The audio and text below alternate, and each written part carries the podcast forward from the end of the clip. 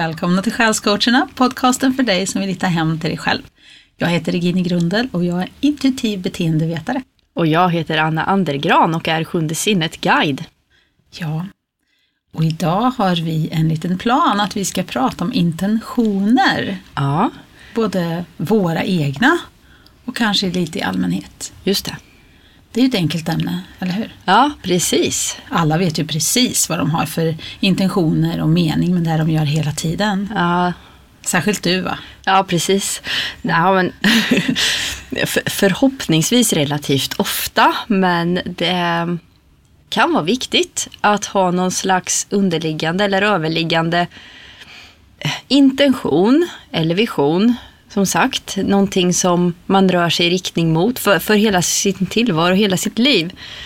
Um, för i detaljerna, detaljerna kanske då kan följa snarare än att man behöver ha en intention med precis allt man gör alltid. Om man, om man vet sin huvudsakliga intention och riktning så blir det lättare att få detaljerna på plats också och hur man ska göra i vissa frågor för att så att säga få dem i linje med den större intentionen. Mm. Du kan alltid uttrycka det så bra du Anna. Åh tack, jag tyckte att jag hade jättesvårt att hitta orden just där. Men ja. Nej, men jag, jag håller med dig om det här med intention. att Alltså jag ser det lite utbytbart. Intention, mål, vision, kanske mening med det man gör. Att det är lite utbytbara ord. ja, Men har man ett, till och med, nu kommer ett till, syfte med det man gör. mm. så behöver man inte fladdra runt så mycket. För mig blir det som ett ankare. Att om det är meningsfullt det jag gör och jag vet varför jag gör det, då får jag en stadig kurs på något sätt. Mm.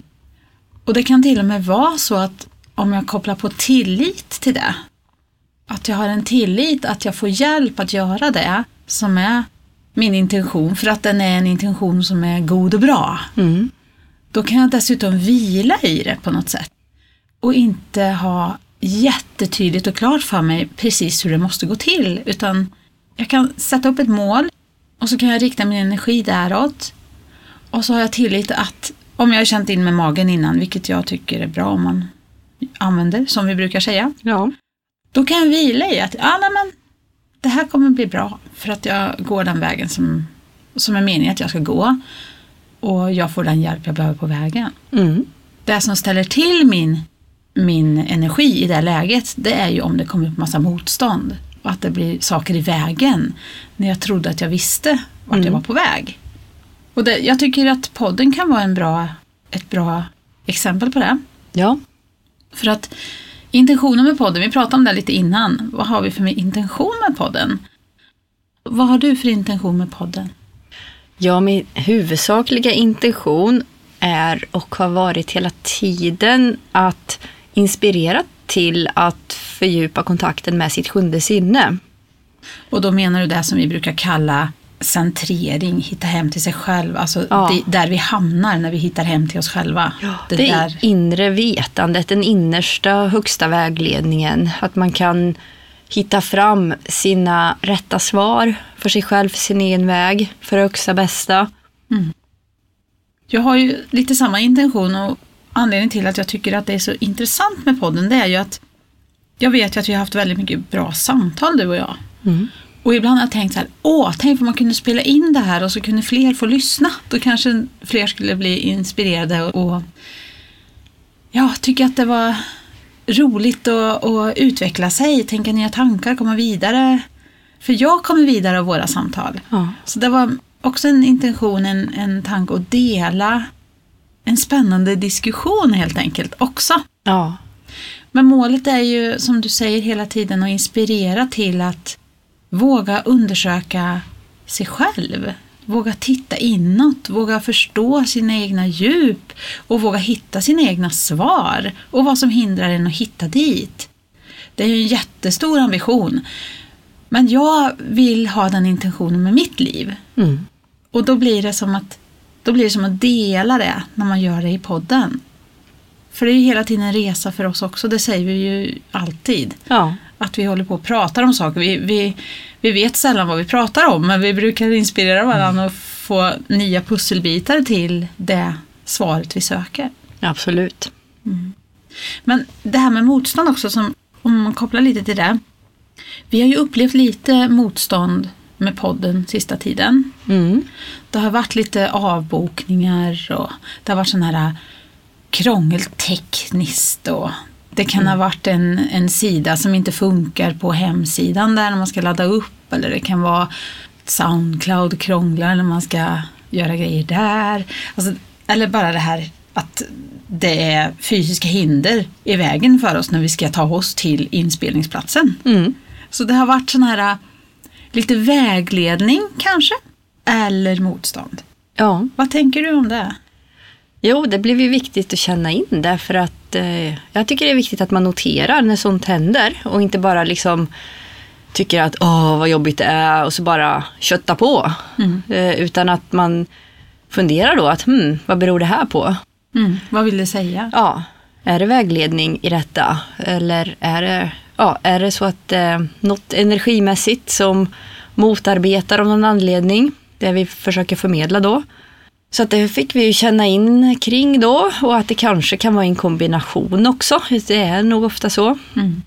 Eh, Och då blir det ju viktigt att tänka att man också energimässigt skyddar sig. Att man gör energiarbete kring podden då och kring sina syften helt enkelt. Kring sina intentioner. Att man eh, skickar energi till att intentionerna ska få fri väg och att, eh, att skydda sig från eh, vad heter det, interference, att, att annat lägger sig i. Mm.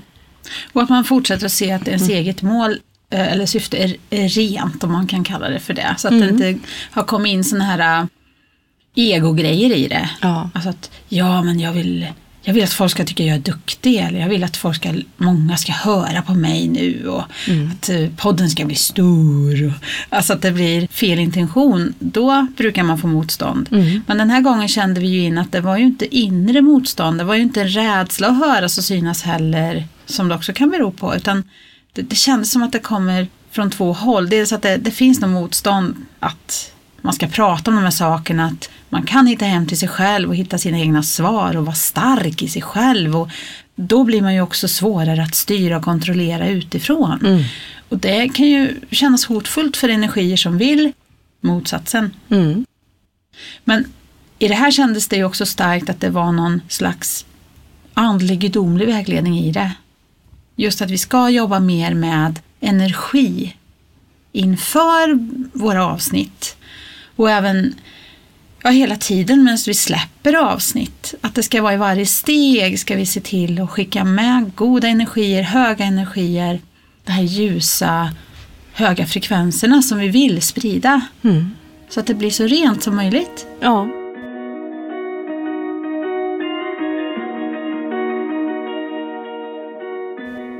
Men hur som helst så kände ju vi nu att det har kanske varit lite stressigt att göra varje vecka.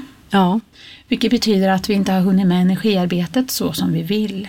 Utan det har blivit nästan lite stressat. Åh, jag måste skicka upp ett avsnitt och det måste klippas och vi måste få godkänt från alla gäster och så som har varit med. Så då har det inte riktigt hunnits med den här äh, intentionbiten och verkligen sätta en intention för varje avsnitt. Att det ska ha rätt energi och rätt kraft och rätt budskap för att det ska bli meningsfullt att lyssna på och skicka med det som vi vill skicka med. Utan det har blivit så här äh, stressigt i slutändan. Ah, nu, åh, där kom det upp. Uh. Mm. Istället för att ha den här lugna, sköna. Och därför så har vi ju bestämt att vi ska köra var 14 dag istället. Ja. Från och med nu i sommar. Precis. Det är också viktigt att det fortsätter att vara roligt. Det ska inte kännas stress och press.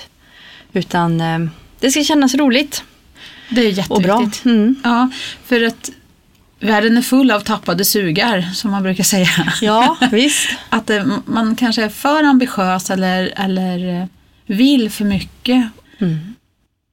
Men eh, var 14 dag kändes helt rätt för mig i alla fall. Mm. Ja, nu satsar vi på det. Nu satsar vi på det. Och vi har ju en liten plan för hur de här avsnitten ska se ut också. Mm. Att vi har varannat avsnitt tänker vi fortsätta och försöka ha en gäst. Mm. Och varannat avsnitt blir det balanseringsbudskap som vi har börjat med. Men då bakar, vi också in andra saker som vi vill lyfta Ja. och som kanske hänt. Eller, för det är ju också en intention som vi hade här under våren och koppla lite mer till det som händer på utsidan. Mm. För eh, hur har senaste året påverkat din intention med podden? Jag vet inte om det har påverkat min intention. Ja, i och för sig, vi har ju, vi har ju valt att titta lite mer på vad som händer i världen och så förstås under senaste året. Har vi ju gjort och tagit in gäster som också intresserar sig för sådana saker mer. Ehm, ja, min intention är väl fortsatt att när det är stökigt där ute så är det viktigt att man hittar sin stadighet på insidan. Och när det är svårt att veta vem som talar sanning och vad som är rätt och fel och vad, som Ja, vem man ska lita på och vilken information som är rätt att ta till sig och så vidare. Då, jag har bara sjunde sinnet att gå till då. Mm.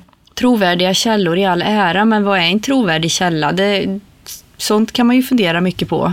Vad, vad kommer den trovärdiga källans information ifrån? Är det en mer trovärdig källa om den ena intervjuar en utvald läkare eller om den andra sidan intervjuar en utvald läkare? Blir den ena mer trovärdig källa än den andra då? Mm. Liksom, vad, vad är det som styr det? Och jag kan bara gå till mitt sjunde sinne och känna efter. Är det rätt tid, plats och orsak för mig att ta till mig av den här informationen? Mm. Ja, och jag håller med dig om att senaste året har ställt väldigt mycket av det här på sin spets. Mm. För det har ju blivit, som vi har pratat om i andra avsnitt, det har ju blivit en polariseringseffekt. Mm. Ett jättetydligt exempel är ju det man kallar mainstream media Mm. och alternativ media. Och just det där, man kanske sätter sig lite väl på sina höga hästar om man säger att den ena sidan har alltid rätt och den andra har alltid fel. Ja, visst. Utan det är ju det där att att känna in och, och använda, det är klart vi ska använda våran hjärna också. Mm. Det är ju inte det. Det är klart vi ska förstå saker och, och, och söka svar också med hjälp av vårat sinne. Men när det gäller att bedöma sanningshalten Mm. och vad som är rätt för mig och vilken information som, som är mest sann. Då har inte jag heller något annat eh, verktyg än att använda mitt centrum Nej. känna in. Och eh, är det här rimligt? Är det här sant? Där börjar jag med hjärnan Mm. och sen så känner jag in med min magkänsla. Ja, stämmer det här eller inte? Och ibland blir jag väldigt förvånad över svaret Mm. och ibland inte. Men det handlar ju inte heller om att jag sen ska trycka den här sanningen i ansiktet på andra. Det är Nej. där som vi måste vara jätteförsiktiga. För min intention är inte att tala om för världen att jag har rätt och du har fel. Nej. Min intention är att försöka höja min egen vibration ifrån rädsloläget. Mm. Så att jag förhoppningsvis kan sprida en annan typ av energi än den här som är baserad i rädsla. Mm. Och då kan man ofta också se på saker klarare. Ja, och visst. situationer och sammanhang och vad det nu är. Mm. Och jag tyckte det var också viktigt att, att påpeka en extra gång att det du sa, att det inte är så som att ena sidan eller en viss person har 100% rätt eller 100% fel och den andra är tvärtom. Det funkar ju inte så, utan det gäller ju lite att känna in vad det är som den här förmedlar är sant och rätt att ta till sig av. För, och det gäller ju i alla riktningar, både alternativ och mainstream media och vad det nu är. Liksom alla människor man träffar och alla slags kanaler man tar till sig information via så, så gäller det ju samma sak tycker jag. Och även om det är andligt eller världsligt, om det är andeväsen som kommunicerar något till en eller om det är människor. Det är samma hela tiden, att filtrera vad i detta är rätt att ta till sig av Mm. Och vad ska jag släppa. Det är vad sann källkritik. Ja, det tycker tycker jag. jag också. Men sen tycker jag också det är viktigt, vi pratar om intentioner och det passar ju så bra in i det här sammanhanget. Man kanske också ska ställa sig frågan, vad har den här som förmedlar det här budskapet till mig för intention bakom? Mm. För det är ju också mycket som styrs av, idag styrs ju mycket av pengar och makt, egostyrt, det kan vara rädsla, rädslostyrt. Så det är också viktigt att känna in energin i det som förmedlas, alltså vad, vad är intentionen bakom? Jätteviktigt. Och ibland tror jag, känns det idag som att ibland är intentionen bakom bara att skapa rabalder, rädsla och kaos Ja. för att det säljer lite fler lösnummer. Mm. Eller då får man lite fler följare. Ja, Precis, och det där det kan jag uppfatta från båda sidor också, om man nu ska kalla det båda sidor. Det finns väl fler än två sidor, det finns en massa trådar i det här. Men, Mm. men i alla fall, jag kan uppfatta det som att det där fenomenet finns ganska mycket i mainstream media. Rädsla säljer tydligen, säger de ju. Men från andra sidan finns det också sådana. Eh, ibland får jag känslan från, från alternativa kanaler också Absolut. att eh, det också vill boosta upp rädsla och eh, aggression mot andra sidan och så vidare. Så att det är viktigt hela tiden att ha på den där sanningsfiltret i mitten. Ja, och, och just det här med att man inte ska kanske bunta ihop allt i samma hög heller. Nej. Att man säger alternativmedia som om det är en, en strömlinjeformad enhet. Ja, Det är ju så mycket olika grejer där. oh ja. Och jag känner att om, om jag lyssnar på en kanal då tänker andra att då lyssnar jag på alla. Ja. Och så är det ju inte för att det finns många kanaler där ute som jag känner inte stämmer med mina värderingar och min, min uppfattning om saker och ting. Oh ja. Så att återigen intention och jag har nästan blivit lite allergisk mot såna här dolda agendor. Mm. Det är som att jag kan känna av, nej nu vill du manipulera mig här. Mm. Nej, nej, nej, nej. För det känner jag när någon försöker framhålla ett budskap och att det känns som att det finns, mellan raderna finns det ett annat budskap som jag förväntas acceptera och tro på. Mm. Och då blir jag så här, nej, nej, nej, nej. Ändra så informerar du öppet och sant och ärligt, då lyssnar jag på dig. Mm. Eh, Men inte det här dubbelspelet, det här att skapa någonting mellan raderna för att få effekt eller för att uppnå något, något mål som man har som man inte uttalar men som finns där bakom. Och det finns ju så mycket idag. Ja, det gör det verkligen. Och det är där det här med intention blir så viktigt. Ja. För vad har man för intention med det man gör? Det kan också vara väldigt mycket omedvetna mål och syften man, man har. Mm. Det, det kan vara viktigt att undersöka vad man drivs av. Vad drivs jag av i livet? Vad vill jag? Vad vill jag uppnå? Vart är jag på väg? För jag tror nämligen att om du tappar det drivet eller att livet förändrar sig så att du inte riktigt kan fortsätta med det på det sätt du har gjort innan. Det här omedvetna målet kanske har varit kanske att mm, skapa en karriär, säger vi, för att vara lite världsliga här nu då. Mm. Att man vill komma längre och längre inom det, det man håller på med. Säg att du är en idrottsman som, som vill bli bättre och bättre i din sport och det är det som driver dig, det är det målet du har.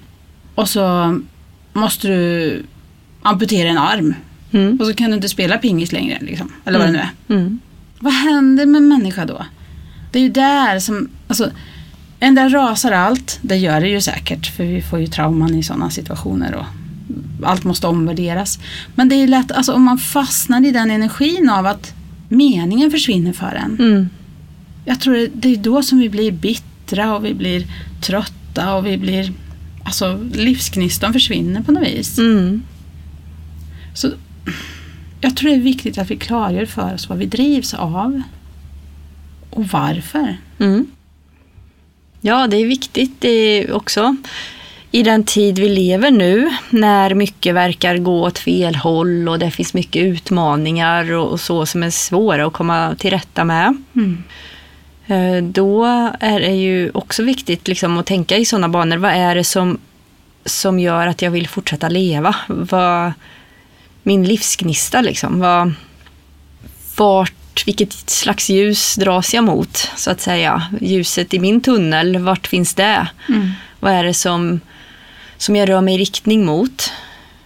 För det, det tycker jag är viktigt, att man rör sig i riktning mot någonting, Ja. eller ja, till någonting, istället för att, att försöka ta sig ifrån någonting. För när man försöker ta sig ifrån någonting bara, då är man ju helt utan riktning, då ska man ju bara bort. Mm. Och då har man ju, den enda intention- intentionen då är ju att komma bort från rädsla eller komma bort från vad det nu är som man inte vill vara kvar i. Mm. Men, men då har man ju inget mål. Nej. Då har man ju inte det ankaret av att man vet vad man vill och vart man ska. Och då blir det gärna väldigt kaosaktigt. Mm. Man bara står och slåss mot skuggorna i tunneln istället för att ta sikte på ljuset och röra sig däråt. Mm. Jättebra liknelse.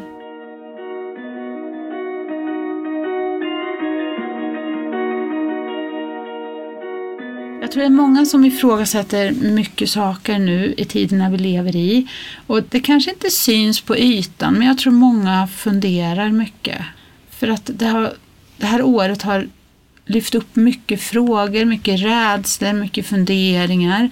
Man kanske har känt att det här med att, att bli sjuk och kanske riskera att dö har väckt massa rädslor och funderingar igen. Mm. Eller så har man blivit rädd för botemedlet som folk, eh, en del tror är vaccin. Mm. För det finns rädslan finns liksom på båda sidor. Mm. Ändå är man rädd för sjukdomen eller också är man rädd för vaccinet. Ja. Så, ja, men hallå. När vi hamnar i rädslan, då är vi som en ballong som tappar luften. Vi bara flyger iväg åt alla håll för att undvika det vi är rädda för. ja, precis. Men har du något tips hur man kan, hur man kan komma förbi rädslan då? Alltså hur kan man hitta riktningen igen när luften har gått ur en? Ja du, men det var ju lite samma som du sa i början att livet är fullt med tappade sugar och hur det var med podden och det. Det blir lätt så om man bara kör på utan riktning. Att det, då, då gäller det att ta sig tiden att känna in igen. Vad är mitt syfte? Vad är min intention med det här som jag gör? Alltså varför ska vi fortsätta att podda och varför då i så fall? Vad är det som är vårt syfte och vår intention med det? Eh, Varför gör vi det? Och det är väl lite så med, med livet i stort också om det känns som mörker och kaos och eh, livet som man har byggt upp kring någon dröm man har haft eller har kanske eh, funkar kanske inte längre eller man ser att framtiden inte kanske ser ut så som man hade tänkt sig att den skulle. Man får om, ompröva och omvärdera saker. Då gäller det att gå lite till botten med sig själv och känna in. Alltså, vad vill jag? Vad drivs jag av? Vad ger mig glädje? Vad eh, känns bra? Vad vill jag vara i för energi? Vad vill jag sprida för energi? Vad vill jag bidra med? Det är de där frågorna. Det finns kanske inte några jätteenkla svar, men det är ju ändå de frågorna man får ställa sig så att svaren kan komma. Och det där är jättesvårt ibland. För det, om man är på botten och känner att det är tungt och man inte man vet inte vad, vad man vill med livet. Man vet inte hur man ska kanske orka ta sig vidare om någonting har hänt som har ställt allt på ända. Och så ställa sig frågan, vad blir jag glad av? Ja, Just då kanske det känns som att jag blir inte glad av något.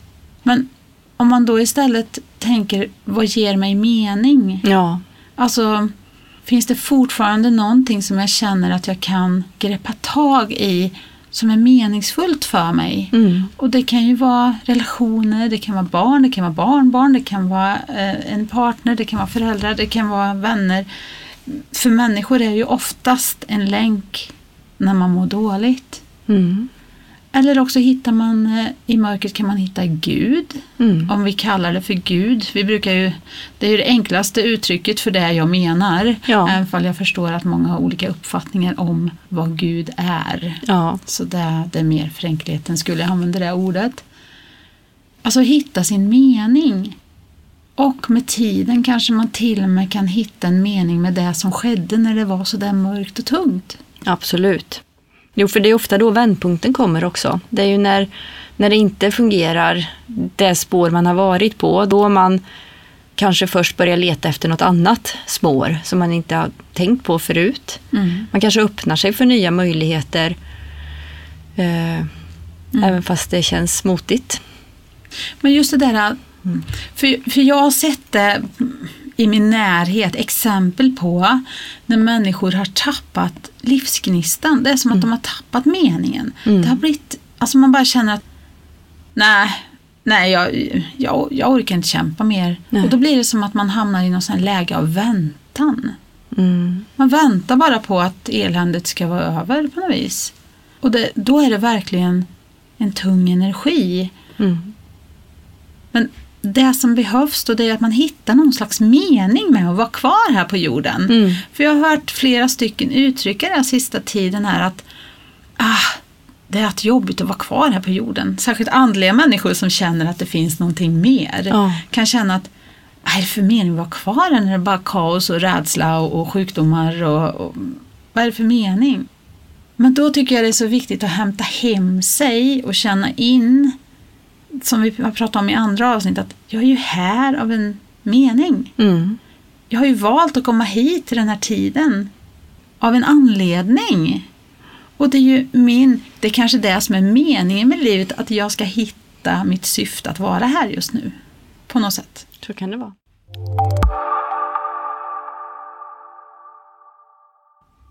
Ja, jag har ju också varit i en sån period, eller kanske flera egentligen. Men det har ju funnits sådana liksom stunder, dagar, veckor ibland, eh, när, när allt känns ganska mörkt. Jag har ställt mig de där frågorna också, vad är meningen med det egentligen? Alltså, det har känts så med familj och grejer omkring mig och, och vänner, så har det ändå känts sådär, men det är ju ingen poäng med det. Ska man bara gå här och harva och gå till jobbet och gå hem och städa och laga mat och diska och vad man nu ska hålla på med och så ska man sova och så ska man gå upp och så ska man göra om det igen och, liksom, och sen sina älskade fina barn då, de ska växa upp och göra samma sak tills de dör. Liksom, vad är poängen? Alltså så eh, har jag liksom känt ibland. Och då blev det ju viktigt, alltså, men jag behövde nog det mörkret för att riktigt koppla tag i min själ. Alltså, jag behövde sjunka in och också var sjukskriven en period så jag riktigt hade tid och utrymme att, att vara med mig själv i det där. För att hitta eh, mig själv som själ mer. Och, och börja känna in det liksom. Varför är min själ här just nu? Och vad är det jag är här för att göra? Och så vidare. Och det är väldigt sant som du säger också att vad som känns meningsfullt blev viktigt då. För vad tycker du är kul? Vad tycker du om att göra? Det fa- liksom, nej, skitsamma. Det finns inget som är... Kändes det så då? Det är väl när man är naken i mörkret med sig själv. Det är väl egentligen först då som man kan lära känna sig själv på djupet. Och det är kanske först då som man riktigt, riktigt ordentligt kan koppla till det högre. Mm. Då kan man inte fly längre bland distraktioner och, och göra, göra, göra, göra, göra. För att slippa känna. Och slippa vänta in sig. Mm. Alltså det är då man kanske blir tvungen ibland. Eh, om man inte tar sig den tiden ändå. Jag behövde tydligen det en period. Det är ju många som hittar den, den vägen genom till exempel meditation. Ja. Eller andra sådana tekniker, yoga kanske, den här rörelsen med kroppen och andningen och allt. Men jag tror att det finns en, ett bäst före-datum på hur länge man kan fly från sig själv. Mm. Jag tror vi alla människor måste möta oss själva ibland. Och ibland krävs det väldigt mycket tuffa upplevelser för att vi ska komma ända in dit. Mm. Och ja, det som inte tar knäcken på en, det stärker en. Ja. Lite så. Det är väl det som är gåvan i det svåra och det mörka och det motiga. Att det ändå på något vis hjälper oss vidare. Mm. Men alltså, jag tänker fortfarande på det här med intention. Och intention och tro kan vara lite, ja, gå i varandra lite grann också. För att jag upplever att även när det är som mörkast och det är som tuffast och jobbigast, om man ändå har någon slags tro i det läget, eller intention, Mm. att man vet att det finns en mening, även om jag inte ser det nu, Ja. så är det lättare att komma ur det. Mm. Men när man tappar det här känslan av att det är mening, det är då jag tror att det finns risk att man ger upp. Ja. Men när man är där och känner att man vill ge upp, det är ju det som är det svåraste utifrån också, när man ser någon som är där. Ja. För man kan ju aldrig någonsin hjälpa någon annan människa att hitta mening. Man kan inspirera och man kan vara ett exempel och man kan skicka energi och allt det där. Men man kan aldrig ändra en annan persons upplevelse när de är i det där mörkret. Nej. Och det är ju fruktansvärt jobbigt att vara på utsidan då. Ja. När man inte kan nå in, när man inte kan hjälpa. Men det, det här är ju ett, ett jobb som man måste göra själv, ensam i mörkret. Ja, så är det. Och det är ju det som är en del av att vara människa och jag tror att det är det som är en del av vår upplevelse med att vara människor. För för varje gång som vi är i det där mörka, mörka, ja, kanske hopplösa, Mm. Så vidgar vi ändå på något sätt vår upplevelse av vilka vi är. Och vi ökar möjligheten att fördjupa förståelsen för oss själva och livet. Mm. Så det, alltså vi, vi måste gräva djupt för att komma vidare. Så Ja. är det ju. Så är det. Och som ödmjukar det en och ökar empati och förståelse för andra som är i tuffa perioder. Mm. Det är också viktigt. Eh, Och sen tänker jag att även fast man inte kan göra jobbet åt någon annan eller hjälpa till att fixa någon som är där så kan man ju finnas där för ändå. Man kan finnas där för, alltså bara vara där. Man behöver inte fixa till eller hjälpa nödvändigtvis men, men man kan ändå hjälpa genom att bara vara där, att finnas till hands. Mm. Och det, det var viktigt för mig också att ändå ha tryggheten att veta att det finns människor omkring som finns där och som bryr sig. Även fast de inte kunde hjälpa mig med min personliga kris då eller syftesökande. Eh, Och att det inte heller var via de närmaste som jag hittade det till slut. Så var det ändå viktigt med den tryggheten. Mm. Så det kanske kan kännas som att man inte kan göra något men bara genom att finnas i deras liv och finnas kvar så, så gör man ändå stor skillnad. Och jag tror att vi behöver prata mer om det här överhuvudtaget i, i vårt samhälle. För vi vill gärna skyffla undan såna här jobbiga grejer. Det ska helst inte synas, det ska Nej, vara nej. den här glättiga ytan. Mm. Men om vi, om vi bara accepterar att det är en del av livet att också vara i det här tunga mörka i perioder. Att vi inte gör det till ett misslyckande eller att det är bara negativt utan att det en del av livet, att vi gör det som en del av våran livsresa. Att vi kommer vara där ibland. Att det blir liksom, det är okej att känna så. Det är okej att vara där. Det är en del av livet. Så behöver det inte bli så kanske dramatiskt, eller vad ska man använda för ord för det? Ja, Bara så här, det är en del av livet. Det är okej att vara där ibland. Det betyder inte att livet är slut. Det betyder inte att det kommer fortsätta vara så här i evigheter. Utan det är perioder. Precis som vi har perioder när vi är superlyckliga och görglada. Så, Mm. Alltså vi måste ha både och för att utvecklas. ja, och att det inte är något fel på en eller att man har gjort något fel som gör att man har hamnat där utan det är så det är Ja, att livet. leva mm, Ja. som människa på jorden.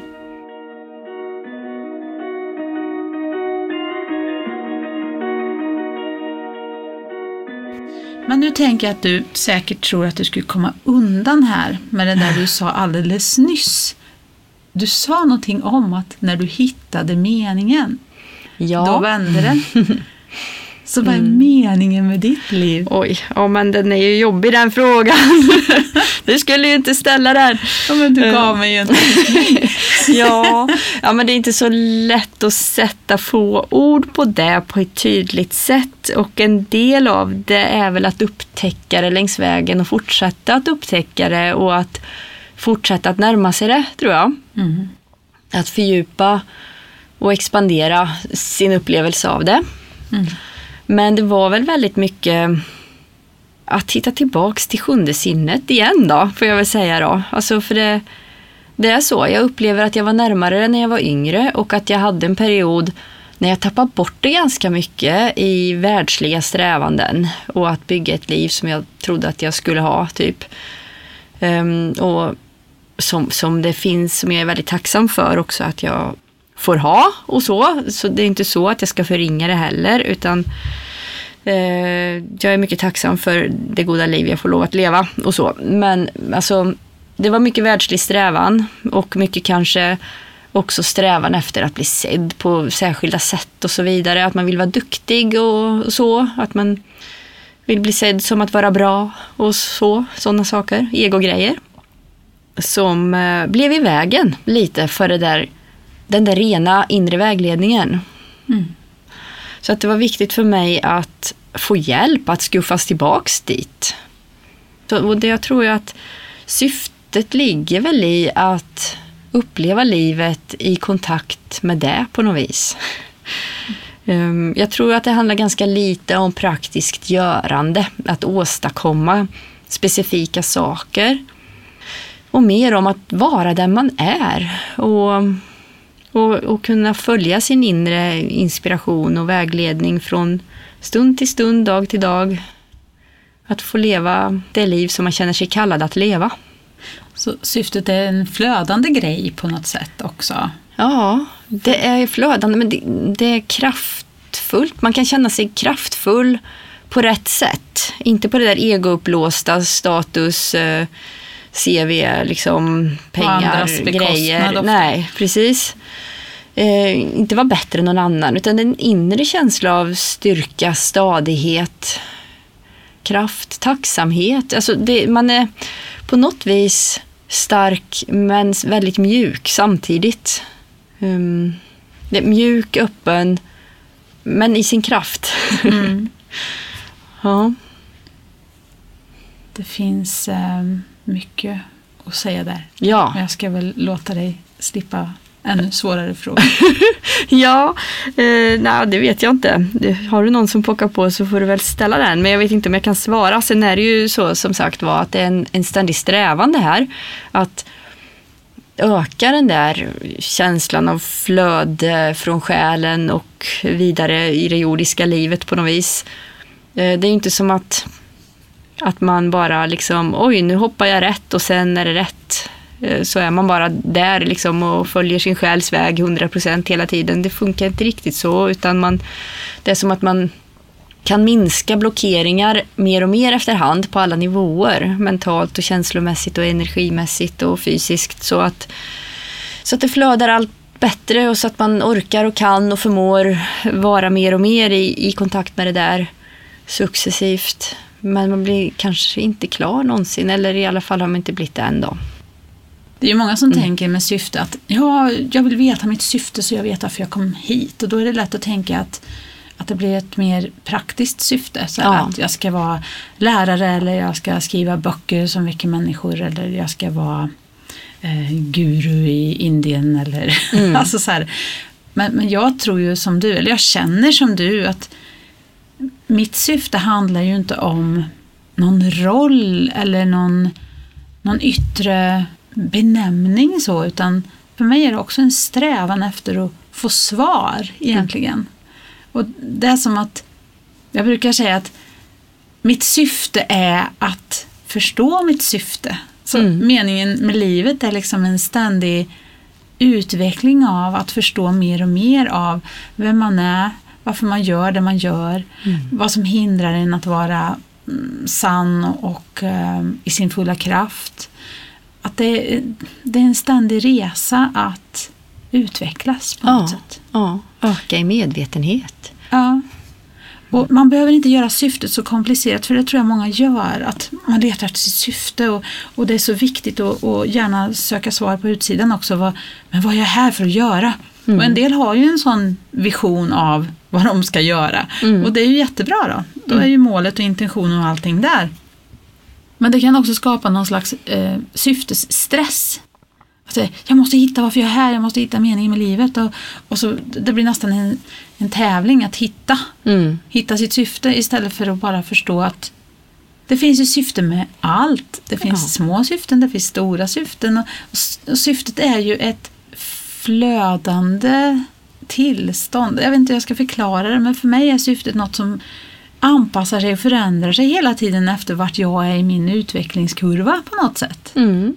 Så att den hela tiden skickar nya upplevelser till mig som jag behöver för att utvecklas vidare och då blir syftet att syftet, det stora syftet är hela tiden att komma framåt och vidare och förstå mer. Ja. Och kanske, som jag önskar, hoppas jag ju att det också leder till att, att jag blir en en högre vibrerande själ eller vad man ska kalla det för. För det, det, är som att man också i sitt syfte har en längtan tillbaks till ursprungskällan. Mm. Att bli, bli den energin. Ja, det finns ju de som kallar det för nirvana. Men du vet, jag mm. tror att vi alla har en längtan efter det. Att återböras till den högsta källan. Och att det är någonting som driver oss. Mm. Och när vi blir avstängda från den källan, när vi tappar vår connection med den källan. Det är då jag tror att vi riskerar att hamna i det här riktigt hopplösa känslan som vi inte kommer ur. Ja. Livsgnistan kanske också är kopplat till gudagnistan. Mm, det tror jag absolut. Mm. Så är man avskuren mot den så är det lättare att känna den där hopplösheten som du säger och svårare att hitta syfte. Ja. Och jag tror det är därför som många som är i riktigt utsatta kriser söker sig till kyrkor av olika slag. Mm. Eller olika typer av religioner och sådär. Ja. För, för det, det blir naturligt att söka sig tillbaks till ursprungskällan. ja. Och det finns ju många pusselbitar och delsyften på den vägen. Alltså det finns mycket som kan hjälpa till att föra en närmare sig själv då eller sanningen och så vidare. Så att det behöver ju inte vara att man ska hitta sitt, mm, liksom det enda syftet. För annars så är det kört. Liksom. Det är ju inte så. Utan allt man är med om, alla ens upplevelser är ju på något vis en del av syftet. Mm. Det är ju meningsfullhet i allting så länge man kan tänka att det är meningsfullt allting. Alltså, oftast är det svårt mitt i en händelse som, som eh, skapar mycket starka känslor och, och trauma och så. Då, då är det svårt att vara där. Ja. Men jag menar, när tiden har gått, Mm. när man har kommit en bit därifrån, då kanske man till slut faktiskt kan se ett syfte även med väldigt negativa saker. Mm. Man kan hitta en mening i det med. Och oavsett hur det är objektivt, om det finns en mening med allt eller inte, det bryr jag mig inte om. För jag bryr mig om vad jag mår bäst av att tänka. Mm. Och jag mår my- mycket bättre av att tänka att vad som än händer mig så är det någonting som ändå är mening i. Att jag kan få en resa i det som utvecklar mig på något sätt. Eller att ja, på något sätt så finns det en mening med allt. Och när jag tänker så, då är det mycket lättare att leva. Mm. Och det är också viktigt att komma ihåg att vi är ju inte våra kroppar. Nej. Vi är inte våra hjärnor. Vi, vi är ju själar. Vi, vi är liksom okränkbara själar som har evigt liv. Mm. Som har en tillfällig in i kroppen-upplevelse. Ja, och om man då fastnar i de fem sinnenas värld där, när man är inne i kroppen, det är då man är avskuren från Gud, tror jag. Ja. För då blir, då blir ju det fysiska livet så viktigt. Det är ju då man hamnar i det där.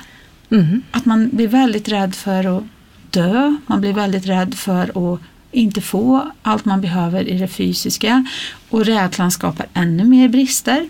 Men om man, om man kan försöka träna sig i att hitta den här känslan av att jag är en evig själ som har en kroppslig upplevelse bara, då är det också lättare att släppa rädslor som har med det där fysiska att göra. Jag säger inte att det är lätt överhuvudtaget, men det är lättare Ja. med det perspektivet.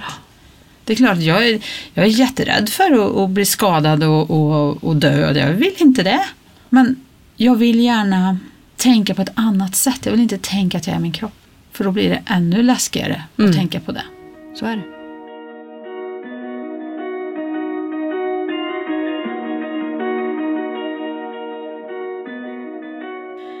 Ja, det, är, det är svårt att prata med dig utan att bli väldigt djup.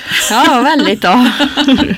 Vi avhandlar väldigt, väldigt stora frågor här. Ja, Men eh, allting binds ju ändå ihop av det här med ja intention och vision, mål, syfte. Ja, det gör det. För att man, man kan ju kanske födas för ett visst livssyfte eh, som är oberoende av hur man sen väljer att tänka och bete sig och göra.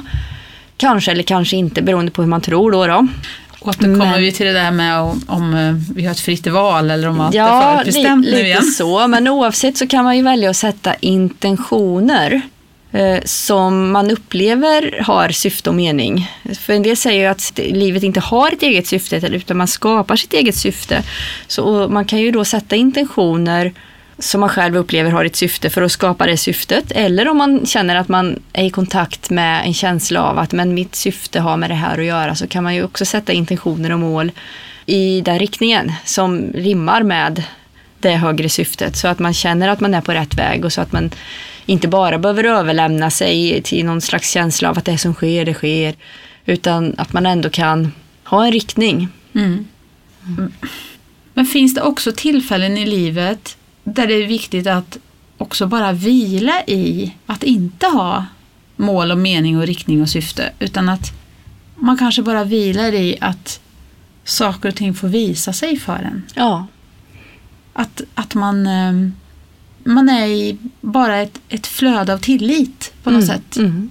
Utan intentioner och syfte, mål och riktning. Man är Absolut. bara en närvaro av att vara i, i livet som det är och bara följa det som händer i nuet. Ja, För det pratar man ju också mycket om, det här vikten av att vara i nuet. Mm. Och det blir så mycket dualiteter i det här livet jämt. Mm. Alltså, så fort man pratar om något så blir det ofta dualiteter. Sånt där, ja, vara i nuet och närvarande och följa det som sker i stunden och följa flödet. Kontra att ha ett syfte, en riktning, en intention. Ja, ja, men visst, men jag tror ju att livet går i faser. Precis som vi var inne på, att ibland så är det glädje och framgång och, och så. Och ibland så är det mörker och jobbigt och tungt. Och ja, du nämnde väl det också, att det kan bli lite stillastående i de där kriserna när det är bara mörker. Eh, Och det är väl kanske då man behöver lite grann släppa taget. Man kan inte, funkar inte att bara köra på med de mål man har satt upp för sig. Om man går i väggen till exempel, då kan man inte längre eh, drivas av att jag ska lyckas med det och jag ska lyckas med det och jag ska lyckas med det. Det faller liksom då, lite som en pingisspelare som blir av med armen som du sa. Ehm, Då får man ju hitta något annat form av syfte och då kanske man inte Ja, man kan ju möjligtvis ha en intention att man ska hitta ett annat syfte. Men det är inget man direkt kan agera på förrän man har den tydliga känslan att det är dags att röra sig vidare. För ibland så kan det nog vara så att man behöver vänta in sig och låta det komma till en. Och just att man, man, man tillåter det som känns rätt i stunden att vara. För Ja. det kan ju vara ett syfte också. Man kanske kommer hit som Mm. själ för att lära sig att vara i, i nuet. Ja. i stunden, följa flödet, inte sätta upp för tydliga mål och ramar för sig utan att bara följa flödet. Det kan ju också vara ett syfte. Absolut. Så att allting kan ju vara ett syfte men vi har lätt att tänka att det måste vara en prestation inblandad. Mm. Och det är när vi blir jagade av prestationer som vi riskerar att bli utbrända till exempel. Ja. Eller Och när- utmattade, ja. vad man nu kallar det för. Ja, och när man tänker att det, det finns ett rätt sätt att leva på, liksom, och så är allmänt, generellt rätt. Eh, och igen så kommer man tillbaks till det där sjunde sinnet, det inre vetandet, den inre egna vägledaren. Det är ju där man vet när det är dags att bara vara och vila och släppa taget om mål och intentioner och riktning och bara vara där man är i tid. Eller när det är dags igen, när man börjar tycka att man känner sig otålig i det och att livet står still och att det inte känns roligt. Då kanske det är dags att hitta en riktning igen och börja röra sig i åt något håll som känns rätt och bra. Jag tror det var precis där som jag ändrade mitt liv ganska radikalt. När jag insåg att jag har tillgång till min egen inre vägvisare, till mina egna svar. Jag har tillgång till dem, jag behöver inte gå till någon på utsidan och fråga. Och det var en jättestor förändring för mig i mitt liv. Mm. När jag riktade energin ifrån att andra på utsidan ska svara för mig till att förstå att allting finns redan där på insidan. Mm. Det är en, en känsla av, en kraftfull känsla av att vara i I am power, är ju ett bra uttryck. Mm. Också en rädsla i att det finns ingen annan som har mina svar. Men just när jag hittade det, då var det som att det dunkade till i mig att jag förstod att det är bara jag som är ansvarig för mitt liv. Det är bara jag som är ansvarig för vilka vägar jag väljer att gå. Mm. Det är bara jag som är ansvarig för vad jag väljer för intentioner, syften, vägar. Ehm, det, det, blev en sån stark känsla för mig. Det var vändpunkten när jag också släppte många rädslor att inte duga, att inte lyckas, att inte prestera tillräckligt bra. Jag har fortfarande kvar sådana rädslor. Men det var en stor, stor skillnad när jag insåg att det är jag som vet vad som är rätt för mig. Mm. För jag har min gudagnista i mig Ja. och den har alla svar om jag tillåter mig, om jag är en ren kanal och kan lyssna. Och vem kan då komma och säga att jag har fel? Mm. Vem kan komma och säga att jag ska prestera när det inte känns rätt att prestera eller att jag ska gå en väg som inte känns rätt för mig? Det var en riktig vändpunkt för mig. Mm. Jag tror ju att vi alla har de intentioner, syften, mål eller bara medvetenhet, tillstånd vi ska uppleva. Alltså, går vi inåt så blir det ju som det är meningen. Då blir det ju rätt. Ja.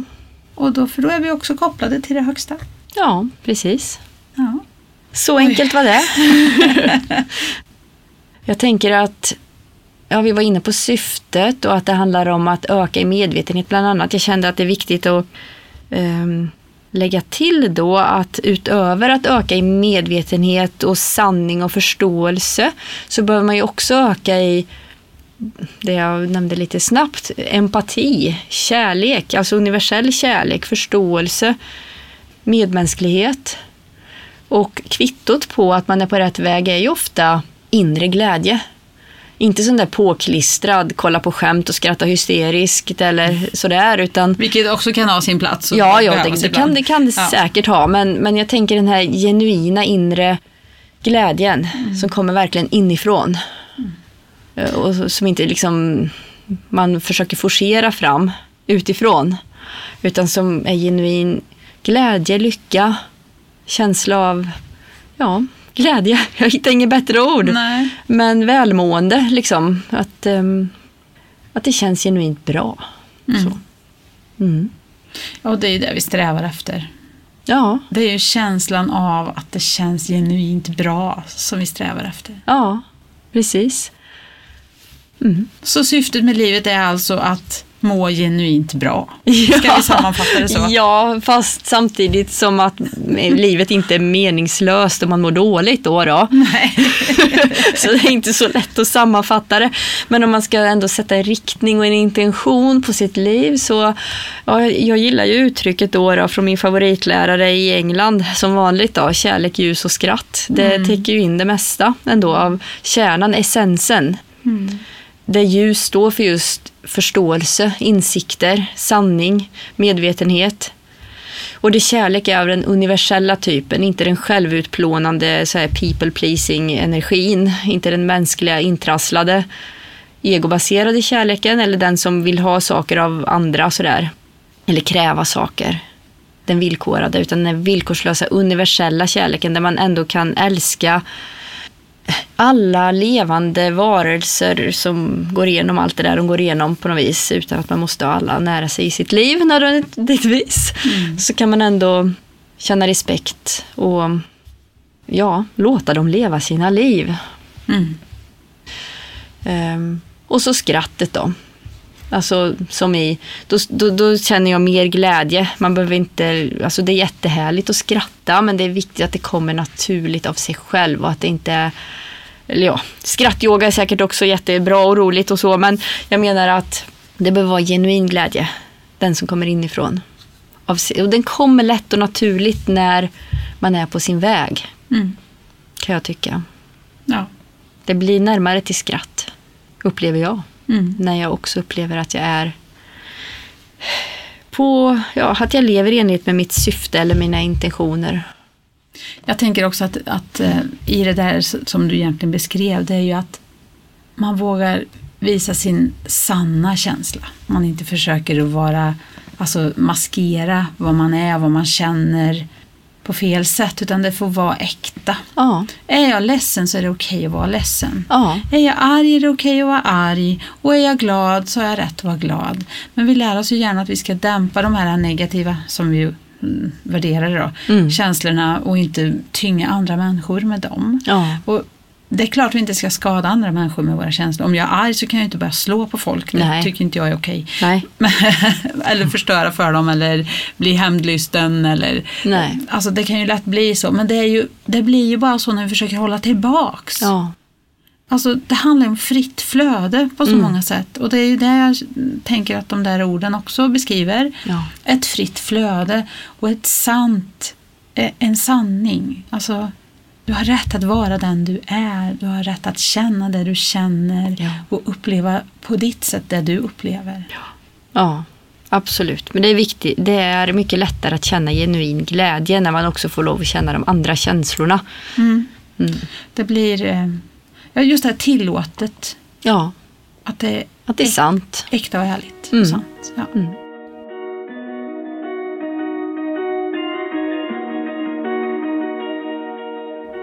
Ja, oj oj oj. Ja, Nu har vi grävt djupt idag. ja, Men eh, vi, vi, jag- känner ibland när vi har haft våra samtal att jag undrar om någon har hängt med till slutet och lyssnat. ja. jag hoppas det. Jag hoppas att det kan eh, i alla fall ge några nya tankar kanske. Eller nya tankar, bekräfta kanske det som som man funderar på. Eller. Ni får jättegärna fundera med oss som vi brukar säga. Mm. Vilka frågor och, och tankar. Och nu inför våran fortsättning här där vi ska ha gäster varannat avsnitt. Då behöver vi ju faktiskt ha tips på gäster också. Mm. Nu när vi har vågat ha med lite storfräsare som Mikael Oddane och Sofias astrologi och Katja Rosberg. Och, ja, då kanske vi vågar ha med nästan vem som helst. Ja, Så skicka tankar, och idéer och förslag till oss. Det tar vi gärna emot. absolut. Och ni hittar oss på själscoacherna.se, Facebook Själscoacherna och Instagram Sjalspodden. Mm. Tack för eh, en spännande stund Anna. Tack själv. Vi hörs och syns snart igen. Jajamän. Hej då! Hej då.